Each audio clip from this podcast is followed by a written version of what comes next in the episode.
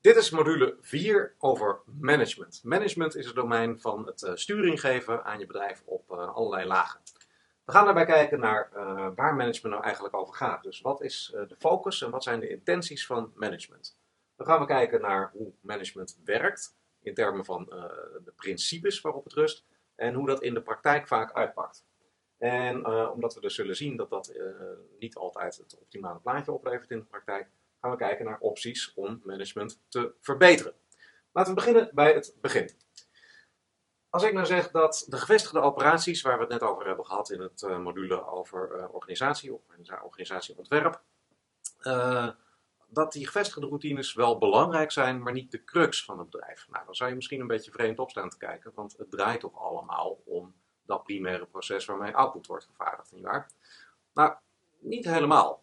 wel in business as usual en zoals eh, business is gevestigd.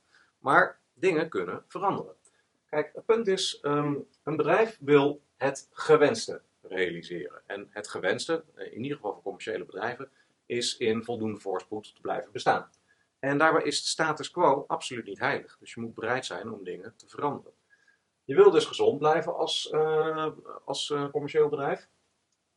Uiteindelijk wil je in voorspoed blijven bestaan. Dus dat betekent dat je gezond moet uh, willen zijn als, als bedrijf.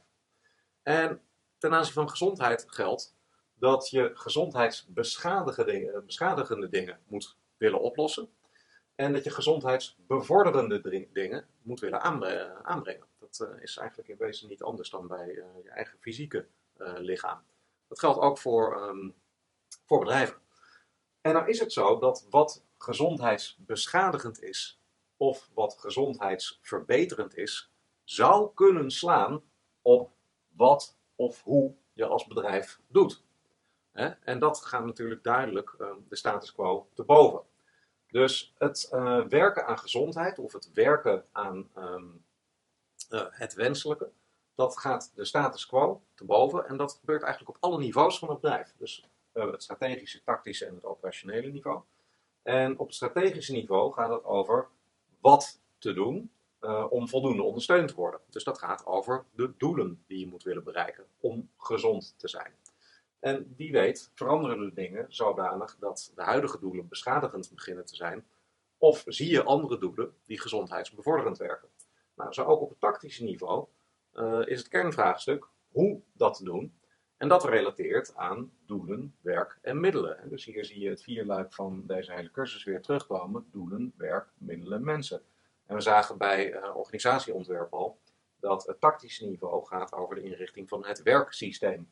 Bestaande uit omgang met werk, resources, inclusief human resources, dus de mensen. En op het operationele niveau draait het om de klus geklaard te krijgen uh, ook als daar verstoringen optreden. Dus dan moet je op dat operationele niveau een omgang mee weten te bieden. En dit gedaan te krijgen uh, is allemaal belangrijk dan wat je ooit hebt uh, geïnstalleerd als status quo, als established business. Dus ehm, strategisch en tactisch management gaat over het wat en hoe van het bedrijf. En dat is ooit bepaald, omdat dat op dat moment in de tijd eh, werd gezien als dat is wat ons gezondheid brengt op strategisch en op tactisch niveau. Dus hoe zou je dan kunnen zeggen dat management nog steeds relevant is als dat eenmaal is ingebed? Want dan is er dus een keuze gemaakt voor wat en hoe. Um, en dat leidt tot gezondheid. Ja?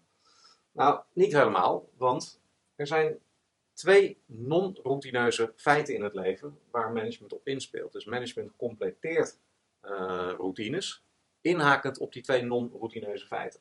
En feit 1 daarvan is, er zullen altijd verstoringen zijn. En uh, verstoringen werken dus gezondheidsbeschadigend, dus die moet je willen oplossen. En er zullen altijd veranderingsbehoeften zijn. Uh, en die haken in op uh, gezondheidsverbeterende dingen op de verschillende levels.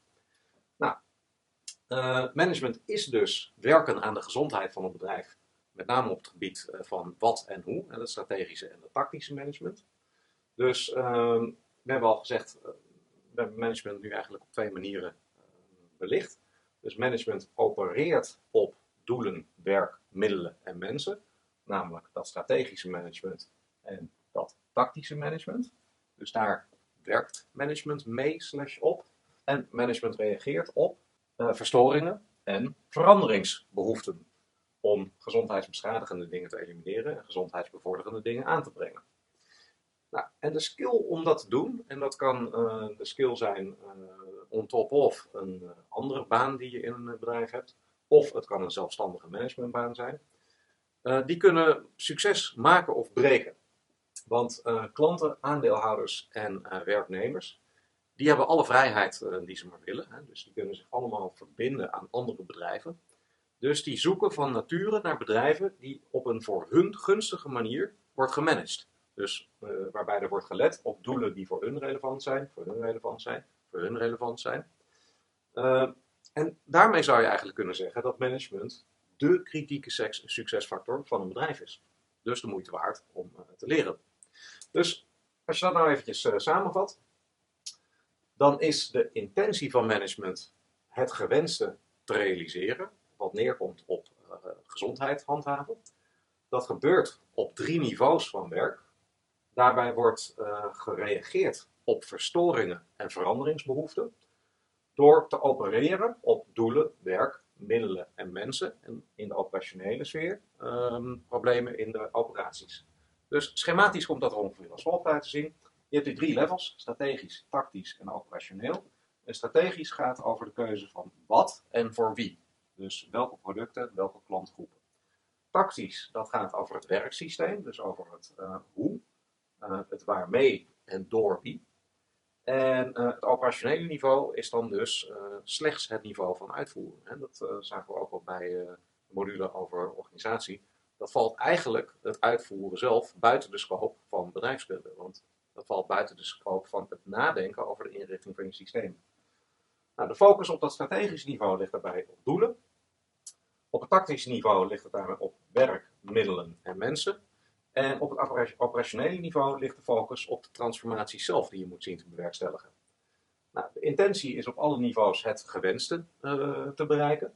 En op het strategisch niveau van doelen is dat voldoende ondersteund te worden, oftewel voldoende goed op de kaart te staan. Dat zullen we straks nog heel even uh, uitvergroten.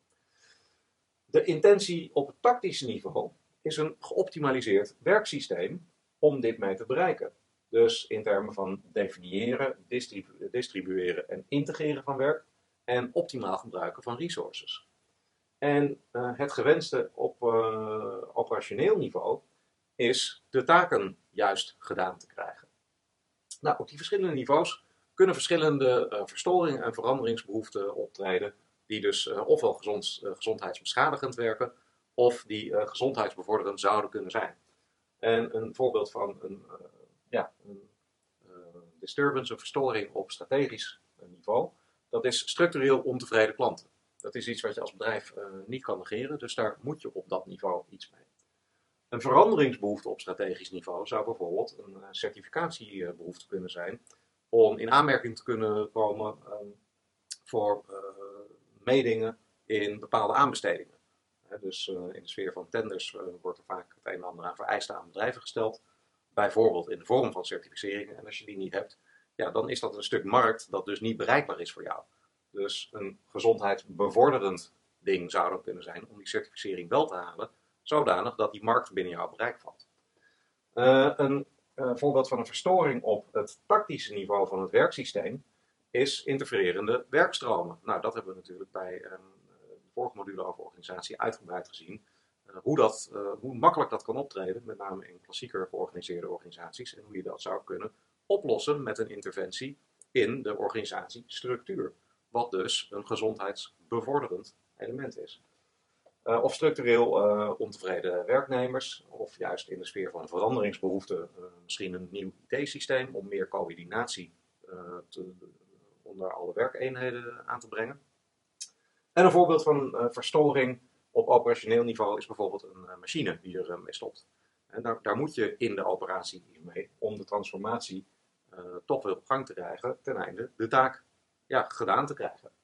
Dus op die drie verschillende niveaus zijn er drie verschillende, verschillende vormen van het gewenste ten aanzien van gezond blijven. en daarbij wordt er dus gereageerd op verstoringen en veranderingsbehoeften.